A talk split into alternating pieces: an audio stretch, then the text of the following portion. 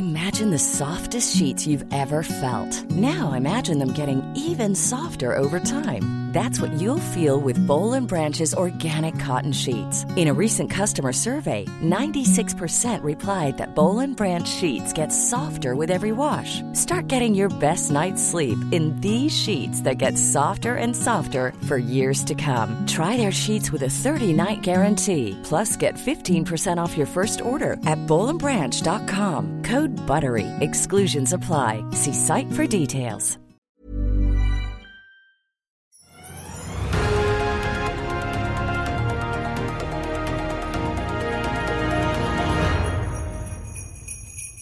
Hei og velkommen til julespesial på selveste julaften. Om en knapp uke igjen av 2021 skal vi oppsummere børsåret.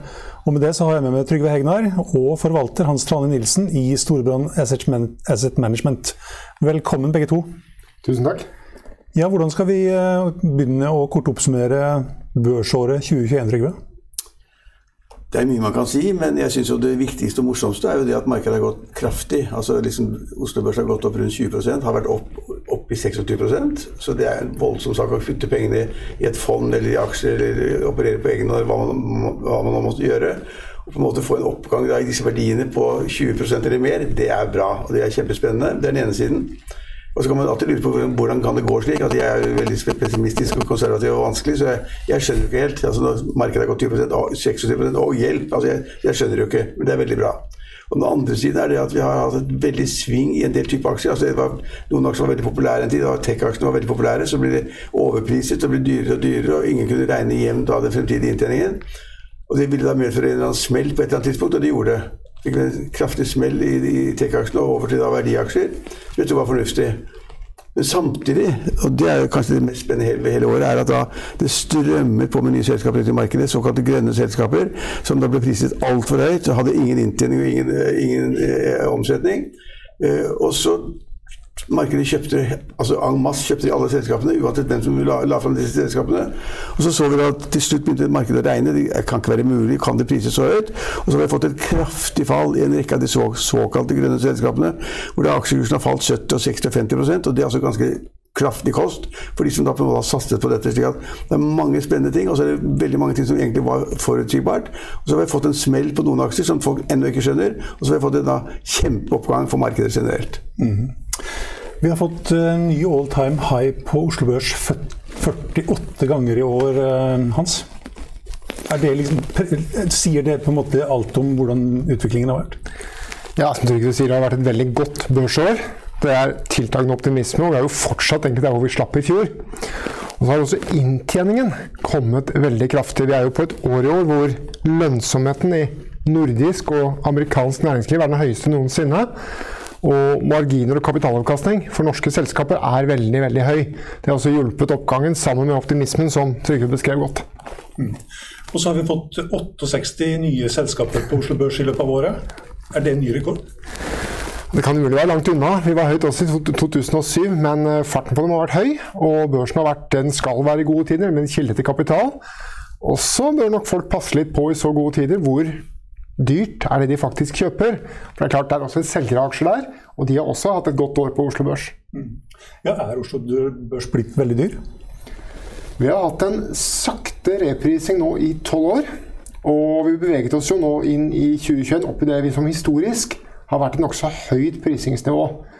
Eh, det vi har av modeller, det er typisk lavet i en verden hvor vi har renter. Og Nå er vi jo på tredje år nesten uten renter i verden. Og Det har nok bidratt til at mange av disse dyre aksjene Vi snakket om det om det i Finansavisens julenummer i fjor, at her var det mye dyrt. De har, mange av de har altså forblitt dyre fordi folk mangler alternativer å putte pengene i.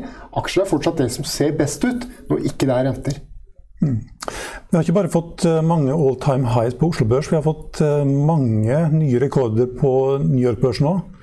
Både Dow Jones og Nasdaq og SMP 500 har liksom steget til ny all time high 40-50-60 ganger i løpet av året. Det også må jo være noe eh, helt eksepsjonelt, bortimot ja, rekord? Det, altså, det, kan vel minne om 87 og hva vi så også inn i 99-2000. Men der også er jo lønnsomheten eksepsjonell høy.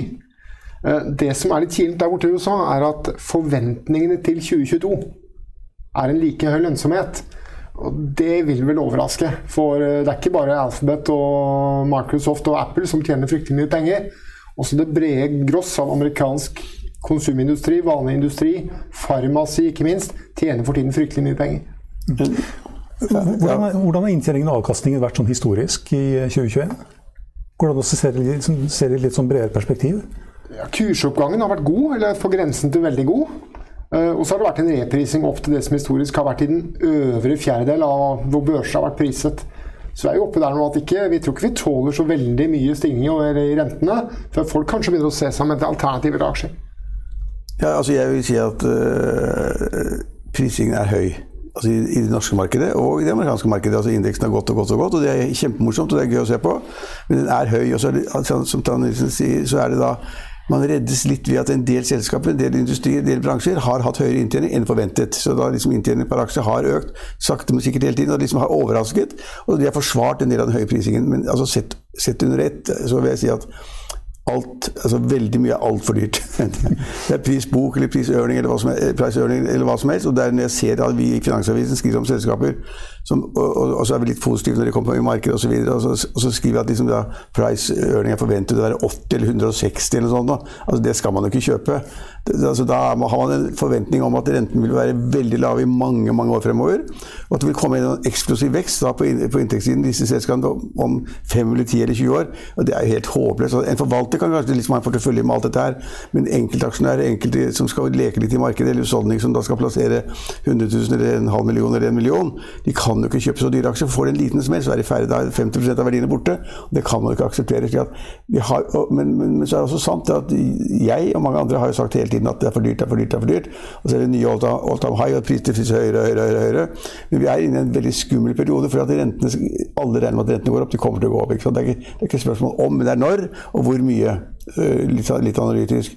Med en, med en rimelig kraftig økning i rentenivået verden over, i Norge, i USA, i, i, i Europa, så vil det på en måte presse aksjekursene litt. Det vil være litt vanskeligere å ta ut så mye i aksjemarkedet som når man gjør på omtrent nullnivå likviditet i markedet. Så, så, det er litt skummelt. Du, så hvis vi får en kombinasjon av litt høyere rente og folk begynner å regne litt bedre, og ikke da er til å betale 100, 100 ganger earnings for å kjøpe et selskap, eller ikke godtar et selskap som har emisjon, som da på en måte får en kjempeprising uten at de har inntekter i det hele tatt, altså, da, da, kan det komme til et sånt krysspunkt som er ganske skummelt.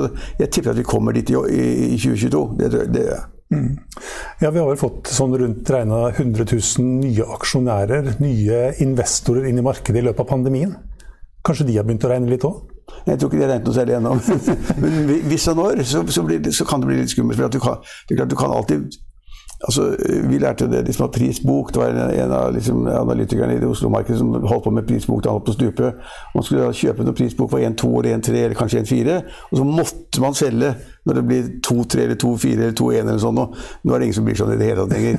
Altså, balansen og verdier det er ingen som blir sånn i det hele tatt. Og selv han som, er, han som var mest tilbake det, jeg tror ikke han syns det er dyrt når det er to, to, to ganger eller lenger, han eller Kanskje. Tenker du på Peter Hermanrud? ja, ja han, han, har vært flink hele tiden, men han, liksom, jeg tror selv ikke han bryr seg om liksom, at prisboka er to eller to og en halv. Nå kjøper han der, altså. Mm. Kanskje. Er det noen sektorer som har pekt seg ut som eh, spesielt gode eller spesielt dårlige i løpet av 2021? Ja, eh, vi har jo fått det som vanligvis løfter Oslo, som gjør at Oslo er en veldig god børs. Det er energisektoren. Da typisk fordi olje og gass stiger. Og det var en litt slapp sektor i fjor. Det var ikke det var andre ting som dro lasset. I år så har olje- og gassaksjer, også noen av de små, dratt dette lasset betydelig. Og selv Equinor er vel opp godt over 70% i år. Det er mye til Equinor-aksjen å være. Eh, så ser vi også altså, innen IT, og det var et par av de som var dyrere i inngangen til året. Men vi har et, eh, en halvlederprodusent i Norge, Nordic Semiconductor, som faktisk har doblet seg i år. Det er blant de aksjene som man nok ville sagt for et år siden var høyt priset, men de driver godt. Og plutselig har de fått en global investor, altså ikke en norsk. Det har også løftet prisingen av den. Mm. Uh, det er geotech? Ja, og til slutt uh, Shipping er morsomt, men det er ikke alltid like lønnsomt. Men skipsaksjer har hatt et kjempeår. Og det er starten på en høykonjunktur. Og midten av en høykonjunktur hvor vi for en gangs skyld ikke har en gigantisk ordrebok. Koreanske, kinesiske, japanske verft har vært litt tregere enn vanlig med å bygge. Så begynte man å bygge fryktelig mye container- og gasskip. Mens det innen konvensjonell tank, innen konvensjonell bulk, innen bilskip ikke har vært gitt noe spesielt med ordre.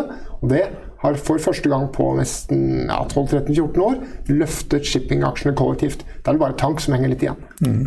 Ja, altså, jeg er helt enig. Altså, shipping har jo vært det morsomme. Og det selskapet som har steget mest på Oslo Børs, er et containerselskap. Jeg tror det er 270 eller 260% eller sånt nå. Og det er ganske tankevekkende. Liksom, det, er, det, er, et bilde på det at liksom, altså, handelsstrømmen i verden går fortsatt. Det fraktes mye hit og dit.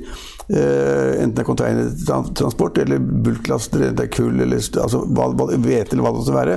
Det har vært et stort marked, og verden, verden fungerer fortsatt. Selv om det har vært opphopning av havner og vanskeligheter osv., så, så har, har shippingmarkedet fungert.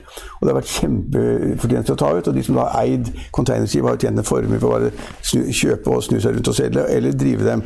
Og, det, og fortsatt er det stor etterspørsel etter den type ting. Så er det også at shipping er skummelt, for liksom, nå har vi hatt en oppgang da, på slutten av året i tørrlast ganske høye rater tørras, og så har det ramla ned igjen til det halve i løpet av et par uker. Og liksom, Er det vare, eller hva kommer til å vare, eller det vet man ikke. Og så kommer det nye selskaper. I disse dager kommer det nye, nye tørrlastselskaper inn på Oslo Børs, og skal de prises, så skal de prissette da en optimistisk holdning til neste år, skal de prises over hvor dårlig det var i mesteparten av året. Og tank, som Trond Nissen sier, har jo vært en katastrofe. Altså en katastrofe. Man vil ikke snakke så mye om det, for det er, det er, man snakker ikke om det. Da, men hvis man ser på rateutviklingen, helt katastrofe. Og Arne Fredli, som skulle bli liksom da stjerne i, også i, i tank, ikke sant. En vanvittig å være i det hele tatt. Og så sier da folk at nei, nå snur det. Mm. Nå kommer tank til neste år også, for man har ikke fått så mye ny, ny tonnasje. Og, og, og, folk skal, skal, kjøpe olje fortsatt. og Etterspørselen på verdensmarkedet vil øke med 5 eller 10 osv. Det er liksom bare 100 millioner fat per dag, så blir det 110 millioner fat eller 120 millioner fat osv. så eh, men, men, så, så, det er skummelt å være shipping. og Vi er gode, altså Norske redere, norske investorer, spekulanter, hva, hva du vil kalle dem, er gode på å finne nissen i shipping, gå inn i tide og gå inn og tjene penger. Men så er det da, det, det beklagelige ved shippingmarkedet er at noen av disse delmarkedene er dårlige hele tiden. Så nå har tank vært dårlig en evighet. ikke sant? Det er det dårligste siden 80-tallet, midt på 80-tallet. Tørrlast var dårlig nesten hele året. Og så er det plutselig noen som skal ut i markedet med, med, med bilskip. ikke sant? For da skal han selge, selge og kjøpe enda flere biler. altså er det mulig, spør jeg. Men, eh, og så går de i markedet, så priser de det ganske høyt, så får de ikke solgt, får ikke plassert aksjene engang. Men likevel så kommer de med prognose om at nå blir det knallhardt og tøft med bilmarkedet. Og det er mulig, jeg har ikke peiling. Jeg, jeg har aldri sett på Aldri vært solgt så mange biler i Norge før som det har vært i år? Nei, det er, det er ny rekord. Ja. Så vi slo 680 nå. Ja. Det er ikke sikkert at de kjøper like mange biler fra Japan i Tyskland eller Frankrike eller Portugal eh, neste år, hvis da pandemien slår inn og liksom BNP blir lavere. Og, altså, vi vet ikke, men, men poenget er, som Trond også sier, at shippingmarkedet er kjempe, kjempespennende. Noen har tjent masse penger der. Noen selskaper har fått reprisning, enten det er uh, Valenius Wilhelmsen eller andre, andre selskaper. Så det, det, det skjer noe hele tiden, og vi nordmenn er ganske gode på det. Men så er vi også veldig gode på å putte inn nye selskaper spekulative. Når det da liksom begynner å bli litt usunt, så er vi der fremdeles med nye selskaper som skal reprises, og som skal ha store emisjoner og betaler altfor mye.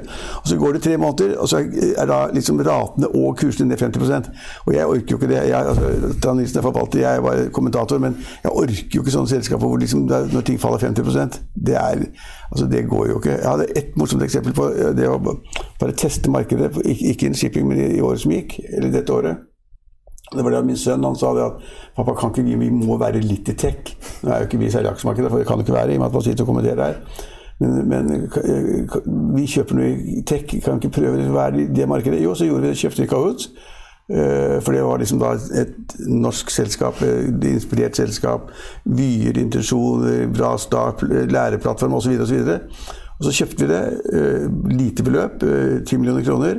Og så gikk det bare et par uker, så hadde vi tjent 50 og da sa vi selv! og det var lurt. Det var lurt. ikke sant? Liksom, nå går 50% i løpet av noen uker eller en måned, eller halvannen, så må man bare ta gevinst og stikke av. Så gikk den litt til, og så ble den halvert eller mer? Så, det er hele poenget. Gikk den litt til, ikke sant? og du tenkte ja, ja, vel, vel, vel. Altså, men 50 på kort tid er ganske bra. Det var man da liksom putte i lomma. Og så har den falt halvert etter det. Så det, det, det som å finne de der strømningene der, de tingene som skjer i delmarkedene, det, synes, det, det syns jeg er morsomt, og det er viktig. Og hvis man ikke forstår det, så kan man ikke tjene penger i aksjemarkedet. For det er i Norge slik at aksjer kan faktisk gå sakte, men sikkert gå pent oppover og få pene tall og pene omtale osv., og, så og så plutselig ramler det 70 eller 50 og Hva gjør man da, liksom? Det er jo halvparten av sparepengene borte. Du var inne på tank eh, og Frontline. Jeg leste i Finansavisen et par dager før jul at det var en investor som nå gikk all in i Frontline. Nå skal den doble seg, og det kan skje ganske fort. Hva tror du om det, Hans? I'll see you in court. Vi sier det ofte litt på spøk, men for deg som driver business, er det aldri moro å innse at du ikke har laget en 100% gyldig kontrakt. Du bør ikke risikere hele firmaet ditt fordi du synes dette med kontrakter er litt stress. En avtale er ikke en avtale.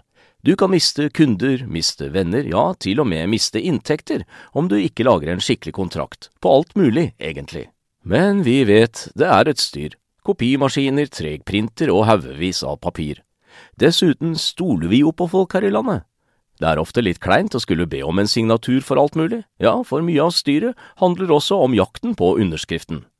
Det finnes en enkel måte å løse dette på, Dukkobit, en trygg, effektiv og get this gratis måte å sikre seg en god natts søvn pluss en juridisk bindende avtale.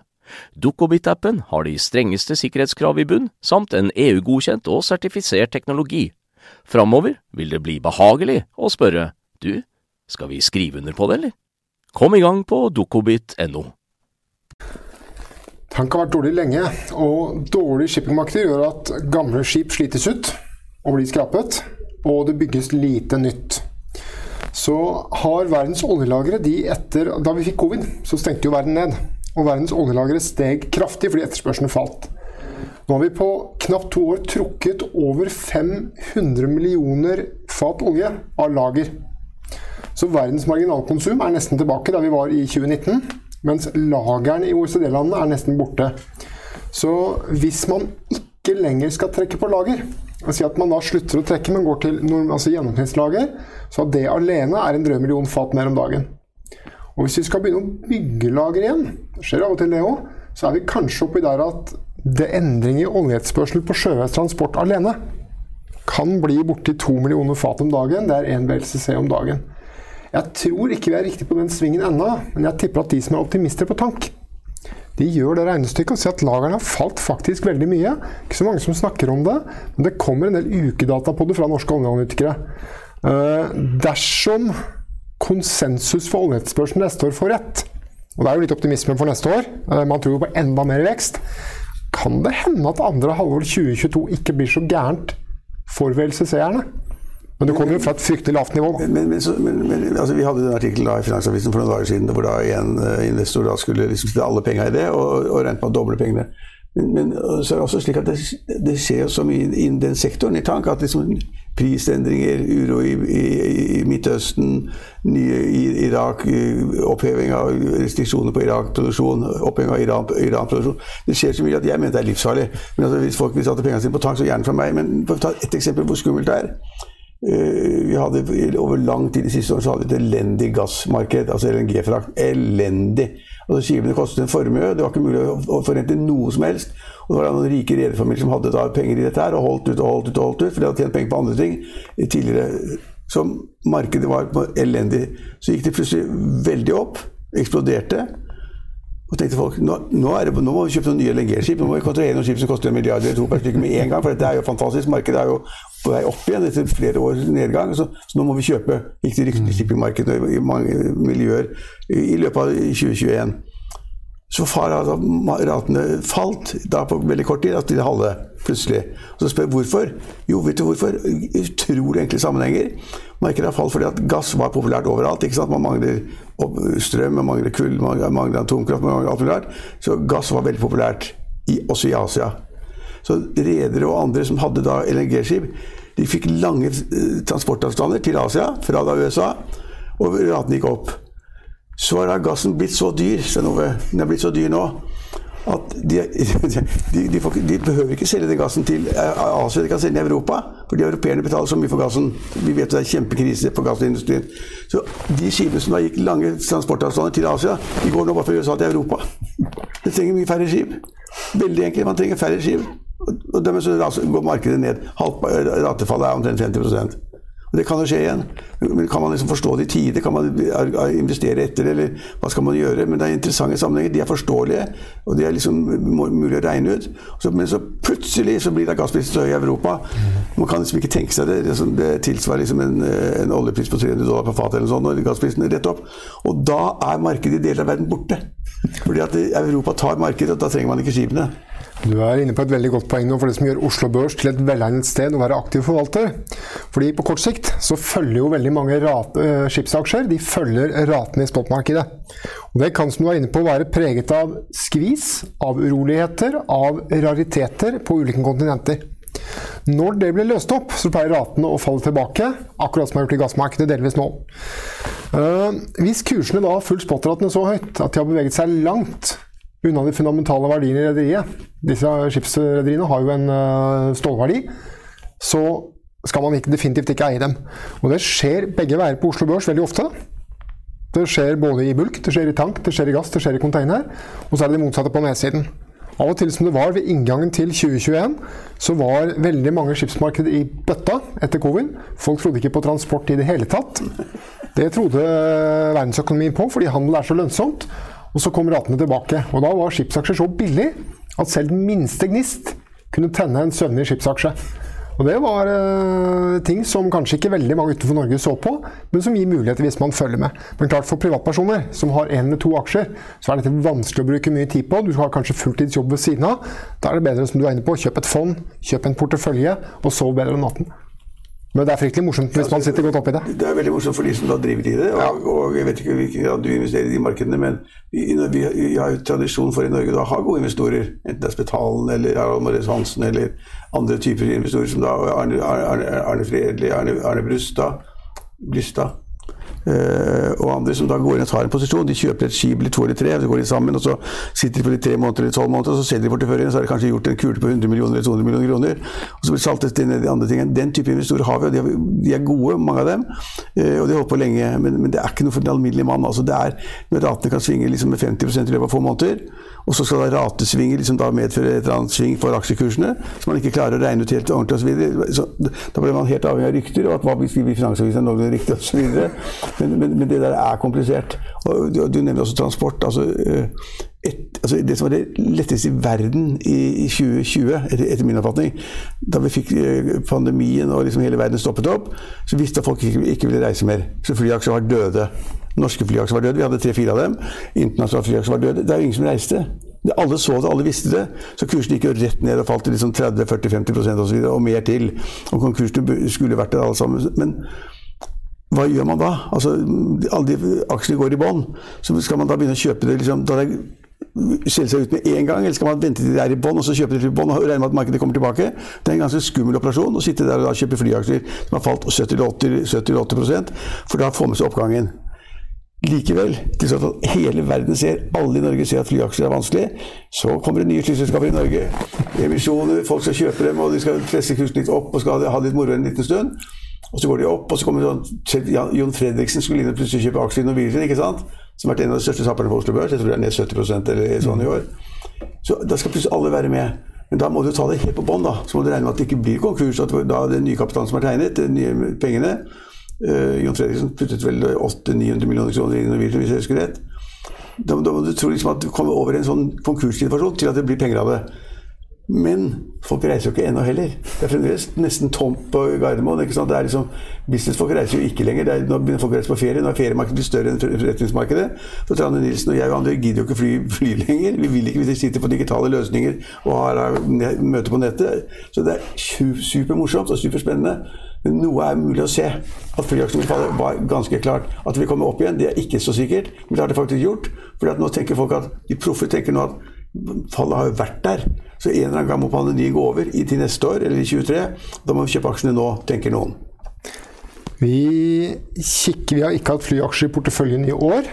Eh, vi kikker nå på de gjeldfrie, for som du sier, mange av de aksjene har falt mye. Og har de flyselskapene gjeld, så har de en utfordring ikke bare med drift, men også med banker.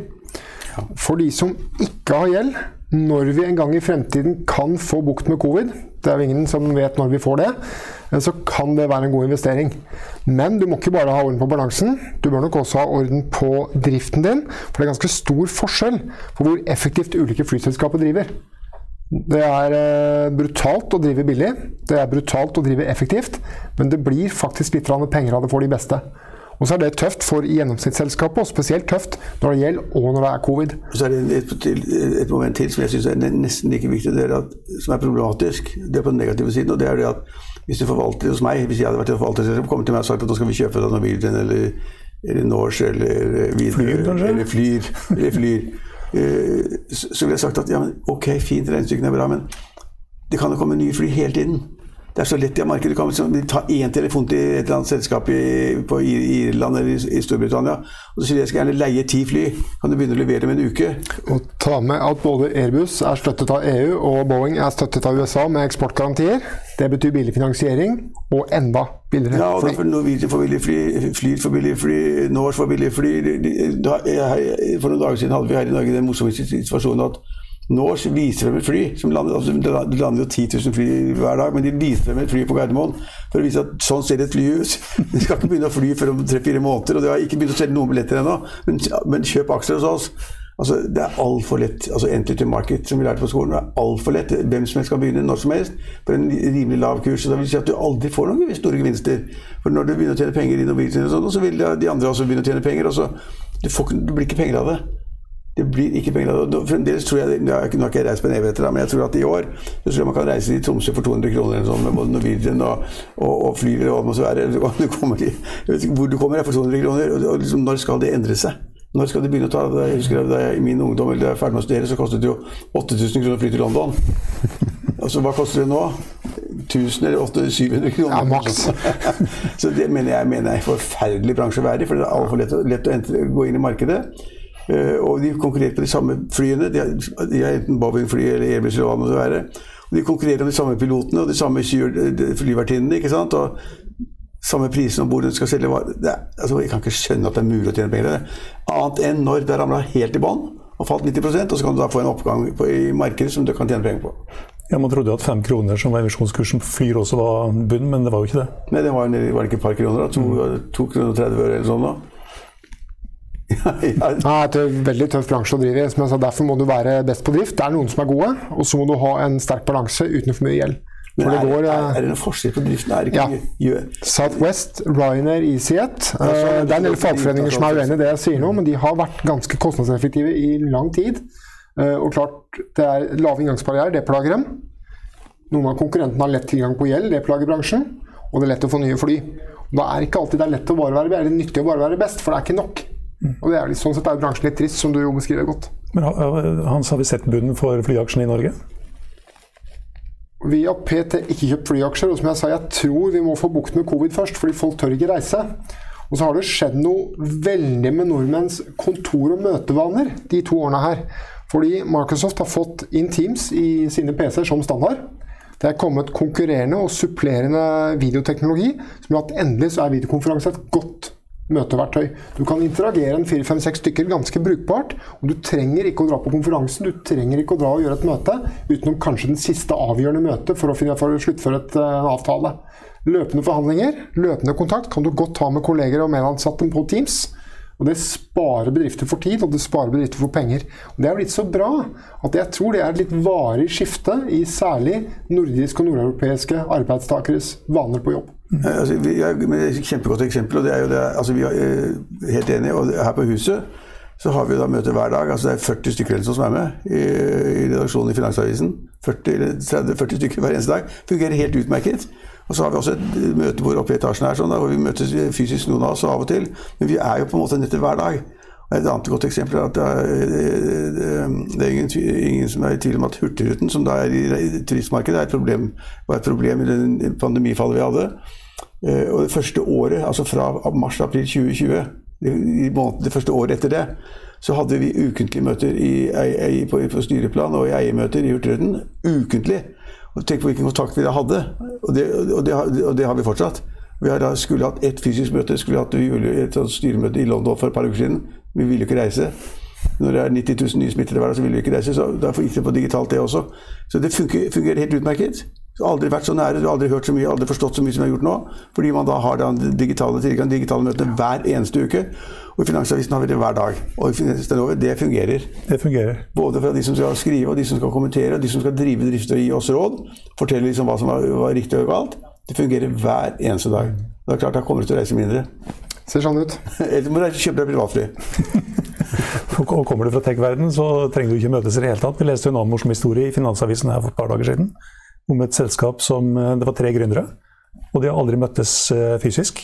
De har etablert et selskap som er à la Bloomberg for kryptoverden, kryptovaluta, Nansen.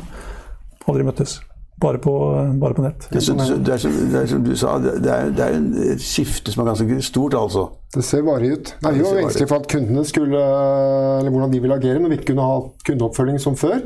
Det løste seg ganske fort. og Jeg tror ganske mange norske kunder av f.eks. finanstjenester er fornøyd som dere er inne på, med å møtes på Teams. Av og til må man spise middag, av og til må man hilse på hverandre. Men daglig drift fungerer fint.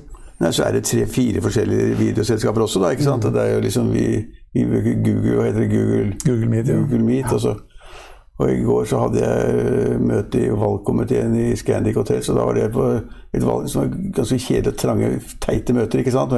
Med ansette styremedlemmer og folk og sånn. Det er uendelig med CV-er og papir og greier sånn. Det gikk på 0,0. ikke sant? Det var for, du var for ferdig med digitale møter på en halvtime. Det var, da var det gjort. Men det er jo litt interessant. Vi har et eh, børsnotert selskap eh, også i Norge, Pexip, som er spesialister innen et område her, Ja. Som har kollapsa nesten det, i år.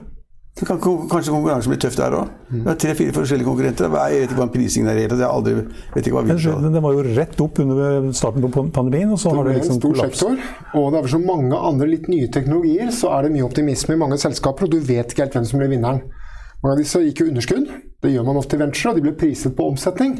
Og du så at sektoren nærmet seg syv, åtte, faktisk ti ganger årlig omsetning mens de gikk med underskudd.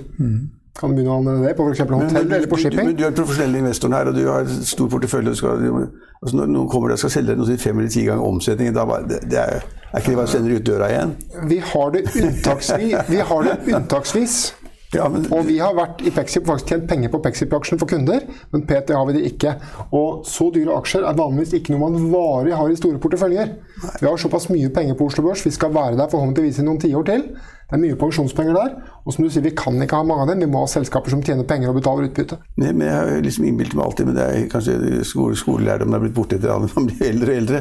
Det er liksom At man aldri skulle betale mer enn én eller to ganger sales. Da, da betalte man mye. Når man avvek fra price og earnings, så gikk over til sales. Så liksom, ok, én gang to ganger. Plutselig så er det selskaper som priser 50 eller 20 ganger sales. Litt uvant, og vanligvis så er oddsene for det på Oslo Børs for at de vinner på to års sikt, er veldig, veldig Den er veldig dårlig, da. Fem, over fem ganger sales på Oslo Børs er vanligvis et varsko. Uh, eneste av den empirien den stammer fra en tid med renter. Og jeg tror som vi begynte med, De lave rentene har nok gjort at flere er villige til å se på det i flere år. Men klart, over på tid kan ikke de overleve uten å gå overskudd og uten å betale utbytte. Og vi har jo et godt eksempel som ble børsnotert for, ja, bare for noen uker siden, Autostore.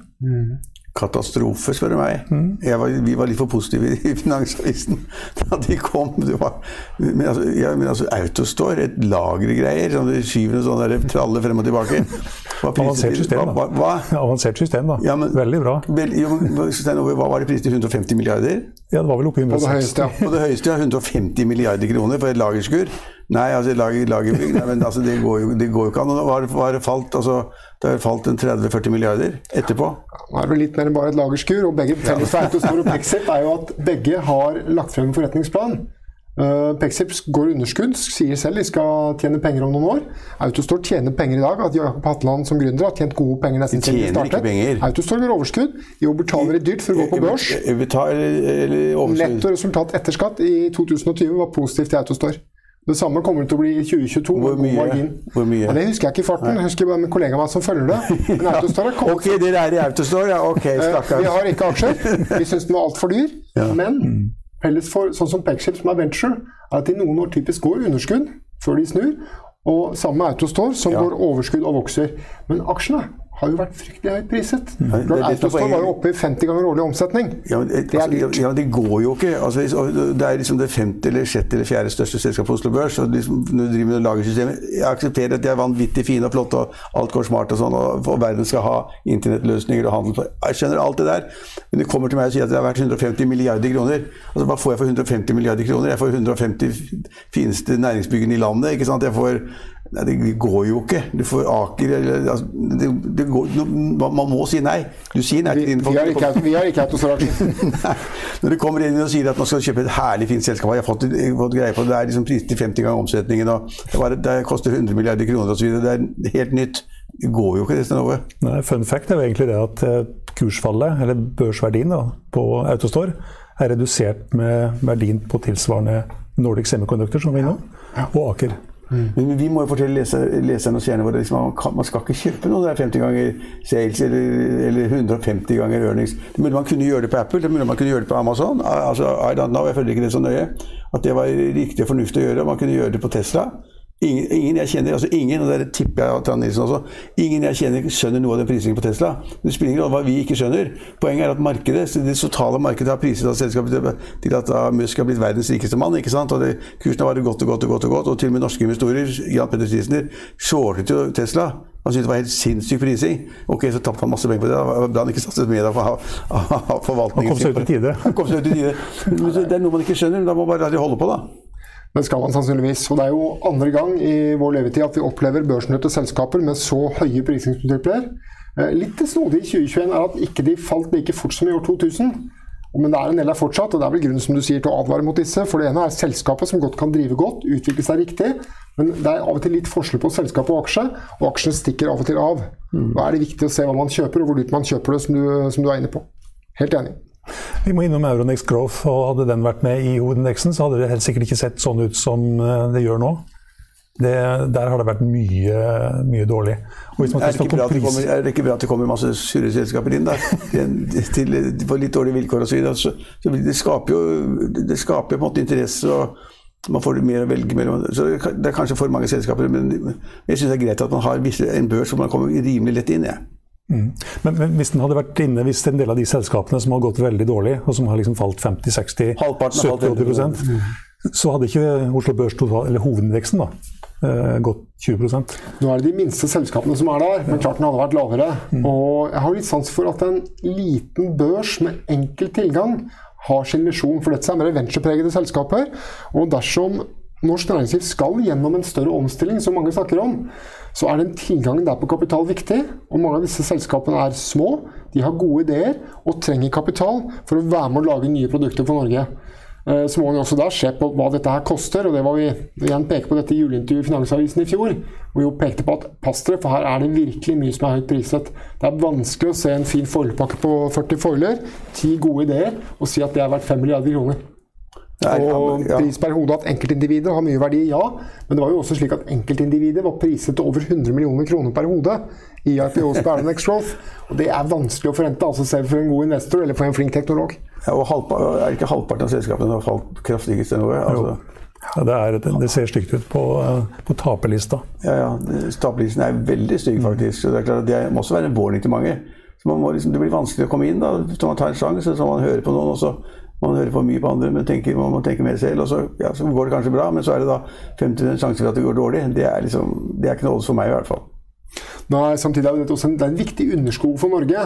Og jeg unner alle selskapene som er der, alt godt, og håper at de får det til. Uh, og så håper jeg også at de får mer kapital, for mange av de kommer til å trenge påfyll. Uh, og så må de vite at ja, av og til vil noen også feile, og noen er kanskje priset litt høyt. Men det hører med på en børs, og det er derfor jeg syns også Oslo Børs og en gjør en smart ting når de skiller ut og sier dette er en egen gruppe selskaper. Pass litt på, det er litt lavere krav, og det er litt enklere selskaper enn vi kanskje er vant til på hovedlisten på Oslo Børs. Og så får folk bare passe på hva de allokerer til disse selskapene, eventuelt fond som er der. Mm. For det er forskjell på det og et bredt fond på hovedlisten på Oslo Børs. Ja, det var jo et selskap som het Gram Car Carrier, som et, et, selskap som det eier bil, altså skip til å frakte biler med. Og så Markedet skulle bli større for det, så gikk det på børsen, da, eller på altså Europe, Euronext, gikk det der for å da skaffe deg noen penger. Jeg husker, husker, ikke om det var 500 millioner eller 700 millioner, men det var skaffe penger til å da på en måte Noen av aksjonærene skulle ut, og skulle kjøpe nye skip, og bla, bla, bla. Men markedet sa nei. Det synes jeg er veldig greit. Markedet sa nei, vi vil ikke betale den prisen. Kanskje prisen var De priset hele selskapet market cap på en milliard eller sånt. Og kanskje det var helt feil. Kanskje det skulle vært 500 millioner eller 400 millioner. Og da var de ute i markedet, prøvde å få solgt inn de aksjene. Markedet sa nei. De la det til side, og så kommer de sannsynligvis tilbake igjen med ny prising, tipper jeg, eller en variant eller et eller annet sånt. Men det, det, er ganske fint at du kan ha noen prøver seg, skaffer seg penger. De, er de heldige for det, er de uheldige så får de ikke til. Ok, Så kan du falle, gå litt tilbake, komme tilbake om tre måneder eller seks måneder. Da mm. er det kanskje et marked for det igjen. Eller markedet blir så dårlig at det er helt umulig. Men at du har en åpning på en børs til å gå og hente penger på den måten som, som Trond Nilsson var inne på, det er bra. Det er veldig bra. Eh, på Euronex Growth så har vi, ja, vi har mye forskjellig. Men hydrogen har vel pekt seg ut som i hvert fall noe som vi har snakka ganske mye om. Og det har vært uh, til dels ganske begredelig. da spør du meg litt. ja. jeg har vært negativ hele tiden. Jeg synes det er, liksom, det er, så langt frem, og det er for mye. Alle skal gjøre det samme. Plutselig skal alle være grønne, og alle skal ha hydrogen. og Alle løper etter spetalen, og de løper etter røkk, og de løper etter altså, Jeg er litt skeptisk til det, og det har vist at det er, det er en ganske skummel affære, det også. Hydrogen som, hydrogen som energibærer er jo smart, men det krever bare veldig mye energi å lage hydrogenet i seg selv. Ja. Så hvis man da ser på type norsk elvekraft, som skal brukes til å lage hydrogen, som så skal gå inn i et transportmiddel, det er en ganske tungvint uh, måte å transportere folk på, fordi det er veldig energikrevende. Og vi så jo også det er en kanskje litt mye optimisme i 2020. Og selv om selskapet nå utvikler seg i riktig retning, så går det sakte. Vi ser f.eks. innen shipping, hvor rederi etter rederi forkaster hydrogenideen fordi det, er, det tar for mye plass. Og det er for tungvint og for dyrt å bygge et skip som skal gå på verdenshavene med til å drive med hydrogen. Det kan kanskje bare fungere for ferger eller for kystgående trafikk. Eh, da blir jo prisingen som var i fjor fryktelig høyt, og mange av disse var jo også på flere titalls ganger en liten omsetning. Så opsjonsverdien av hydrogen var veldig høy og teknologisk spennende, men fortsatt er at vi må, tror jeg vi må løse en energiutfordring før dette er et godt varig drivende selskap. Og skal noen få det til, så er det kanskje et stort industrikonsern som Equinor, Hydro eller Yara, som har mange flinke ingeniører. Og de vil nok ha bedre odds enn muligens et lite ventureselskap. Og så er det jo slik at sånn som Nell, som er en av årets kurstapere, men som driver godt, rett nok taper penger, men som har flinke folk innenfor dette segmentet, og er nok ganske langt framme teknologisk i, i verden på dette feltet. Men vi har jo frarådet Daniel i 100 sendinger, tror jeg. Det har vært dyrt. Men, altså, det, og det var riktig det man skulle ut av det, og det var altfor høy pris, var galt pris. Men mitt poeng er at altså, jeg, det, jeg, er ikke så veldig god for sånne teknolog, teknologiske løsninger. Men hydrogen kan bli veldig fint, og mye annet kan bli fint. Vi, ja, Innen shipping ser man på mange rare ting for tiden. Men, men, men jeg syns alle er for når alle kommentarene, alle nyhetene, alt går liksom at det er nytt hydrogenselskap det store Når alle er for, da blir jeg negativ. Det, det, funker ikke. det funker ikke for meg i aksjemarkedet. Vi snakker om aksjemarkeder. Så det funker ikke for meg når, når alle er positive. Det er liksom noe skurrer, det er noe som er galt. Så ser man to-tre ganger til på det, og så sier nei, det der kan ikke være spennende, det kan ikke være riktig. Og da kan vi sitte på redaksjonsmøtet og si nei, nei, nei, det der kan ikke være riktig. Så det må være kritisk til og se nøyere på osv. Det, det er noe gærent hvis alle er for. Og når, når, når Øystein Strauss kommer løpende og skal liksom kjøpe et hydrogenselskap eller noe sånt, og kjøper seg inn, og så tenker jeg å fy faen, smart! Spetalen kjøpte 30% i hydrogenselskap, eller 50% eller hans selskaper. Og det er, kjempesmart, og så kjøper de aksjer fort som bare rakkeren etter Spetalen. Og når det, en uke senere så leser at Spetalen har solgt. Ikke alle selskapene. En som har vært fryktelig god på dette i Norge de siste 15 månedene, det er aksjesystemet Øyvind Eriksen og Kjell Inge Røkke. Ja, ja. Fordi når alle er optimister og kursene stiger, så kan ting prises høyt. Og det har pleid historisk å lønne seg å være på selgeren når ting er priset høyt. Og så har aksjesystemet sett at ja, skal vi få til et grønt skifte i Norge, så trenger vi nye ideer. Vi trenger nye selskapskonstellasjoner, og de trenger finansiering. Da ting var svært dyrt her, fra oktober av, september-oktober i fjor og frem til sommeren i år, så solgte Aker av. De solgte seg ned i flere underselskaper. De stiftet selskaper, fikk inn ny egenkapital og solgte seg ned til lavere eierandel enn 100 så De brukte jo dette forbildet til den optimismen og si at oi, her er det faktisk en del tusen mennesker som gjerne vil betale opp for gode ideer. Fint, da kan vi jo godt selge litt, og samtidig sikre ideene finansiering frem til vi ser om de er levedyktige eller ikke. Så Aker-systemet har virkelig ridd dette grønne skiftet, man kan kalle det det, de på en forbilledlig måte. De, ja, men de fikk litt for mye penger, litt for, litt for enkelt. Da, i det ser sånn ut i etterkant. I noen selskaper som ikke hadde gjort noen ting, som bare var en idé omtrent. Men, men, men, rett før jul nå, så, så, så kjøper da Aker BP, så kjøper de Lundin. Prisen skal angivelig være, jeg har ikke sett detaljene, 125 milliarder kroner eller sånn.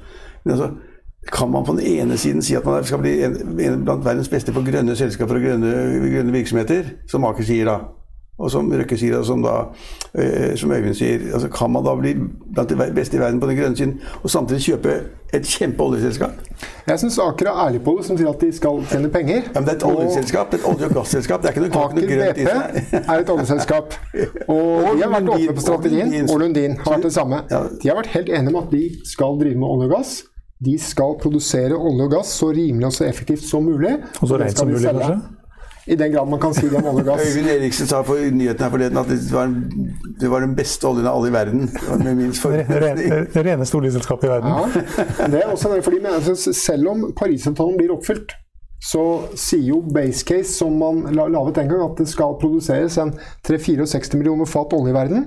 I dag produserer vi oljekondensat og NGL ca. 98-99 millioner fat om dagen. Så selv om vi da kutter en tredjedel av verdens oljeproduksjon, så vil det i 2030, 40, 50 og 60 også produseres olje og gass. Det er vel en fair forretningsidé å ville ta en bit av den kaken der. Men, men det er litt sånn etisk også. Er det riktig å liksom gå rundt i verden og si at liksom vi skal bli verdens beste på grønne industrier og gjøre alt mulig riktig på havvind og sol og hva som helst som har med grønn industri å gjøre, og samtidig kjøpe et kjempe oljeselskap for 125 milliarder kroner?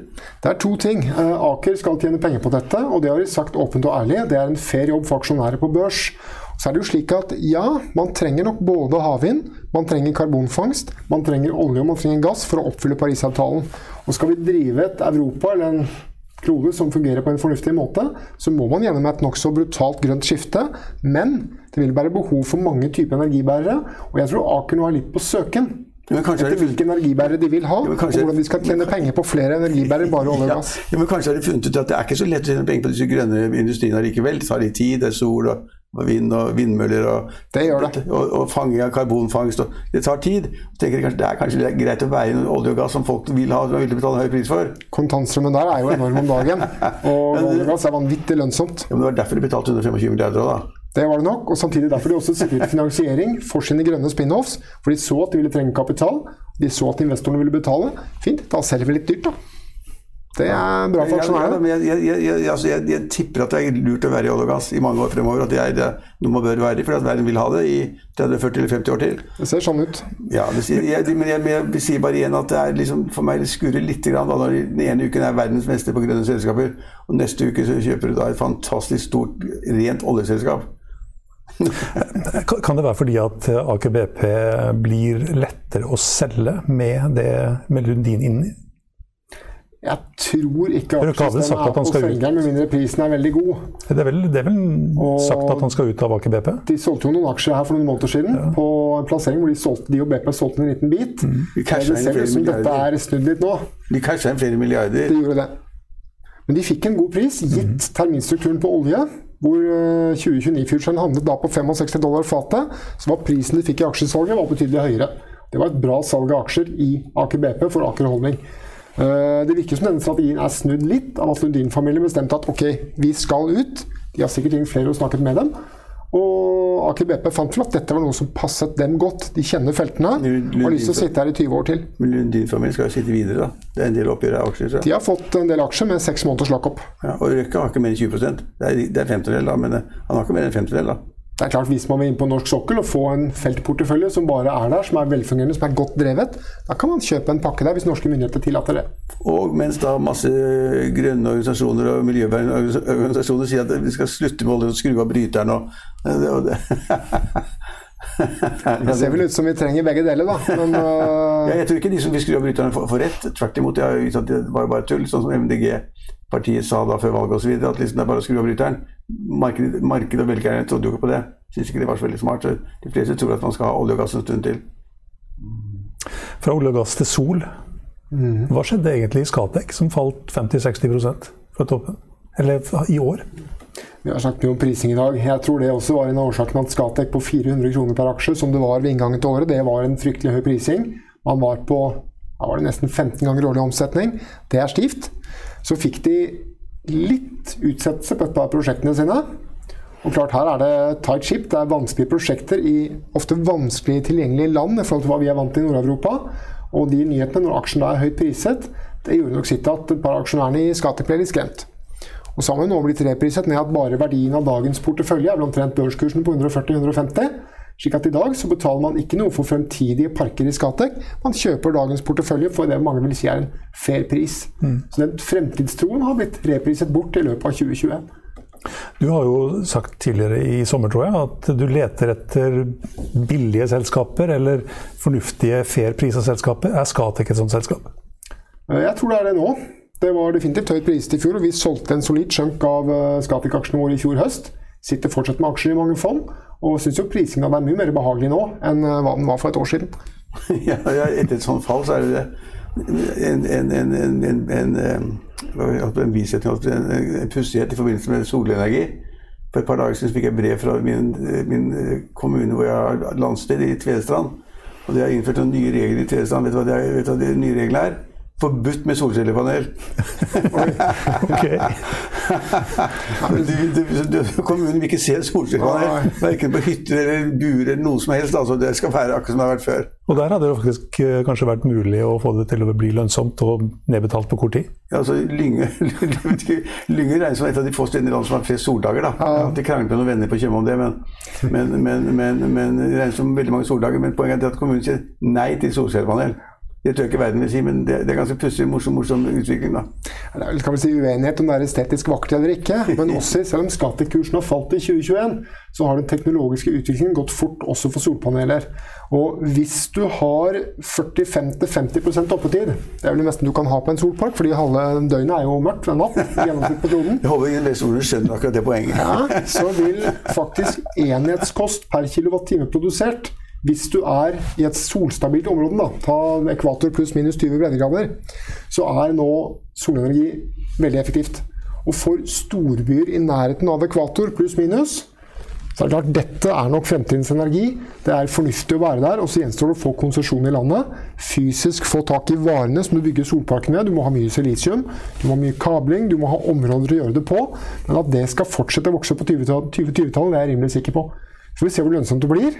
Hvis alle pensjonspenger i hele verden og alle fondspenger skal inn i det, så blir det jo så mange som skal følge det, at lønnsomheten blir lav. Da gjelder det å selge tidlig, da. Der er juryen ute.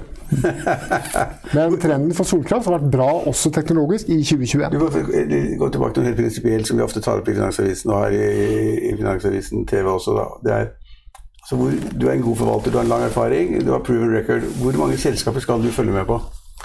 En god forvalter tror jeg klarer å være veldig god på 20 selskaper. Ja, 20, ja, ikke 200. Vent, vent nå. Jeg tror hun eller han kan klare å være det å ha god kjennskap til, ikke dyp kunnskap, men god kjennskap om et 20-30 til. Slik at å være på hugget på en 40-50 selskaper, det bør du klare hvis du har holdt på en stund. Og, Nei, ikke 40-50 selskaper. Du kan ikke være god på 40-50 selskaper. Jeg sa god kunnskap om et 20-talls, og du kan ha god kjennskap til et 20-30 til. Ja, ja, ja, hvis du i tillegg setter det sammen i en gruppe, så bør denne gruppen kunne dekke en 200-250 selskaper. Det bør kunne fungere over tid. Men så god at man er bedre enn alle andre? I hvert fall så god at man kan uh, gjøre det bedre enn en hovedindeks i et marked, som i seg selv er brukbart vrient. Men har man et sånt oppsett, så tror jeg det er mulig hvis visse markedsbetingelser er til stede. Men, men, men, men uh, i 70-årene Det er lenge siden, da. Da ikke jeg knebukser. Nei, det er lenge siden. Da, da traff jeg Rolf Stenersen, som var da Norges første finansanalytiker. Uh, han var megler, aksjemegler, men så, han, ingen kalte han analytiker, for det fantes jo ikke begrep for det. Men han var da ekspert. Uh, og tjente gode penger uh, i markedet. Og så ble han da selvfølgelig verdens, altså en av Norges største samlere av kunst og Munch og ga bort det til staten osv. Han var fenomenal. Og så var han i tillegg norgesmester på 200 meter i friidrett. En veldig morsom person. Jeg traff han da en del ganger på 70-tallet. Og han sa, og skrev i sin bok, han skrev, et par bøker, og så han er veldig interessant, han sa jeg klarer ikke mer enn tre selskaper. sa han. Han hadde, et, han hadde aksjer i et stålselskap, så han hadde aksjer i et gummiselskap. Mm. Og så hadde han aksjer i et 3D-selskap. Det var de tre aksjene han fulgte, og de tjente han penger på hele tiden. Jeg tror Stenersen har et veldig godt poeng, men på hans tid så var informasjon det var mangelvare. Ja, det var vanskelig tilgjengelig. I dag er informasjon en overflødighet. Mm. Og det er ikke i dag vanskelig å få tak i informasjon, men det er vanskelig å strukturere og tilpasse informasjonen. Så for oss da som dynges ned via skjermer med informasjon hele tiden, så må vi tenke ut hvordan vi skal bruke den. Men for hans del så gjaldt det å få fatt i informasjon. Og du husker jo selv alle dine ideer da du laget kapital, var jo å være bedre enn farmann på f.eks. regnskap og selskapsinformasjon. Kunnskap om selskapene. For det var det ingen i Norge som skrev om da du laget kapital. Og du var jo selv med på å drive utviklingen fremover og få tak i bedre informasjon om selskapene og hva som faktisk foregikk. Og det skiftet kom etter at Kapital ble stiftet og utviklet seg frem mot 1990, hvor informasjon da ble en commodity, hverdagsvare, og ikke en knapp faktor. Nei, og det, jeg mente ikke nei, Jeg tror ingen mente at jeg, at jeg mente det. Men tre, tre, selskaper var ikke var idealet mitt heller. Men var, han kunne leve med det den gangen. Mm. Tre selskaper som var bedre enn alle andre på det. Bedre på, i stål og bedre på gummi. og så var det, Jeg husker ikke hva den tredje sektoren var, faktisk, men, men, han kunne leve godt av det. For det var mange som du sier, mangel på informasjon, og tilgangen var lav. Og han gjorde sikkert de riktige tingene, og ble rik på det også, faktisk. Han gjorde en kjempejobb. Jeg får jo håpe det kommer mer enn tre nye selskaper nå. Ellers blir det tynt IPO-er i 2022. Men, men jeg, men jeg, jeg, jeg, er jo ikke investor, så jeg, kan liksom, har, jeg har ikke noe grunnlag for å si at jeg kan det bedre enn andre i det hele tatt, faktisk. Men, men jeg syns det er vanskelig å liksom være god i 20-30 selskaper. Jeg syns det er ganske greit å være god i 3-4-5-6 selskaper. Hvis du er god på tre banker, så er det ikke så veldig vanskelig å være god på syv banker til. Nei, det er jo en ting De ligner på hverandre. Og sammen Hvis du følger ett tankrederi innenfor stortank, kan du kanskje følge en tre-fire-fem til. Ja, da, det ligger jo oppi dette her. hvis- hvis du kan ikke være god på ti sektorer, f.eks. Det er klin umulig. Nei, så hvis du da er god på én sparebank, så kan du godt kjøpe syv andre sparebanker. Det bør gå, ja. ja, men det er jo sånn det har vært også, faktisk. Det er sånn vi har organisert oss de 25 årene jeg har vært uh, snart i Storebrand. På den måten der, at noen skal være god på visse ting. Nå nærmer vi oss slutten her, men Hva har avkastningen din vært i 2021? Det har vært dårlig. Vi er litt bak markedet, og selvfølgelig god. Bak de 20 Alt har vært godt. bak, de- bak de 20 eller hva det blir? I år har vi som i 2012, de to årene vi har hatt som har vært relativt sett svake, men med god absolutt avkastning, vi er bak markedet i år. På feil aksjevalg. Ja, feil aksjevalg. Ja. Nei, vi har hatt eh, noen dyre aksjer som har øh, falt. Så har vi hatt noen dyre som ikke vi har eiet, som har blitt enda dyrere. Det koster det også når man er forvalter, å ikke eie dyre ting som blir dyrere. Og så har vi hatt litt for lite olje. Vi trodde oljeprisen skulle opp, men ikke så fort og så mye. Så vi har blitt undervekt i Equinor i år. Men analytisk, har du lært noe av det? Har, de, har, du, har du liksom instruert dine medarbeidere eller forvaltere til en annen holdning eller en annen måte å gjøre det på? Eller, liksom, eller går det bare videre i akkurat samme mønster? Da? Nei, vi, vi har en oppskrift som vi har tjent fryktelig mye penger på for kundene i 25 års tid. Om vi da har to, sånn som jeg sa, dette ligner på 2012, hvor vi også var dårlige. Jeg tror ikke vi skal forkaste den oppskriften pga. bakgrunn av ett enkelt år. I 2020 gikk vi på vannet. Da hadde vi en treffprosent på over 90. Det er også veldig sjelden. Men jeg ser jo at her har jeg hatt flaks. Og jeg får ikke lyst til å endre på det jeg gjør. Jeg kan heller si at oi, det var moro å ha flaks og litt stang inn. Men av og til går det også litt stang ut, og så får vi heller se på summen på langen. Jeg tror ikke enkeltår av, enkeltår avgjør om vi er gode eller dårlige forvaltere. Nei, ja, det, Jeg skjønner at du ikke vil si hva avkastningen har vært eh, i år. Jo, vi ligger øh, De dårligste fondene våre er nesten 10 prosentpoeng bak indeks. De var milevis foran i 2020, og noe av det vi tjente på da, har vi tapt på i år. så er 10 istedenfor 20 da, det da. Ja, men de brede er vel en 3-4% bak, da, der vi har grosset, der hvor vi har desidert flest milliarder. De er en 3-4 prosentpoeng bak.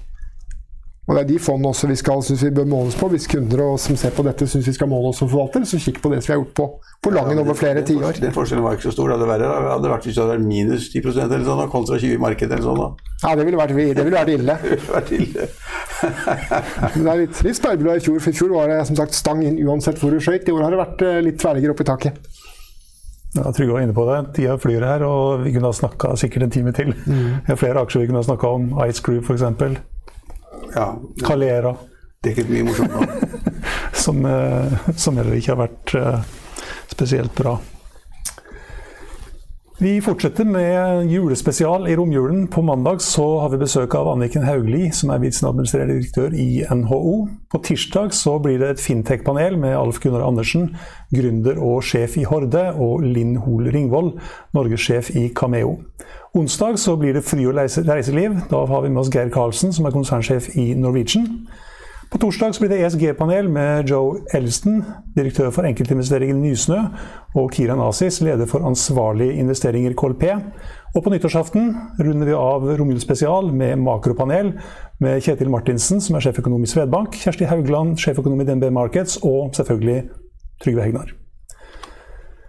Vi minner også om at eh, du kan se alle julesendingene ved å gå inn på fa.no slash tv, og at du kan høre dem som podkast ved å søke opp Økonominyhetene på Spotify, Apple og finansavisen.no slash podcast.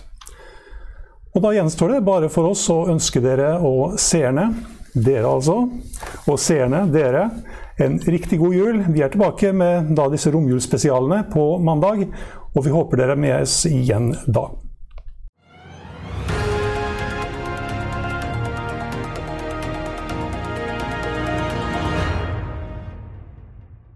Økonominyhetene er en podkast fra Finansavisen. Programledere er Marius Lorentzen, Stein Ove Haugen og Benedikte Storm Bamvik. Produsenter er Lars Brenden Skram og Bashar Johar.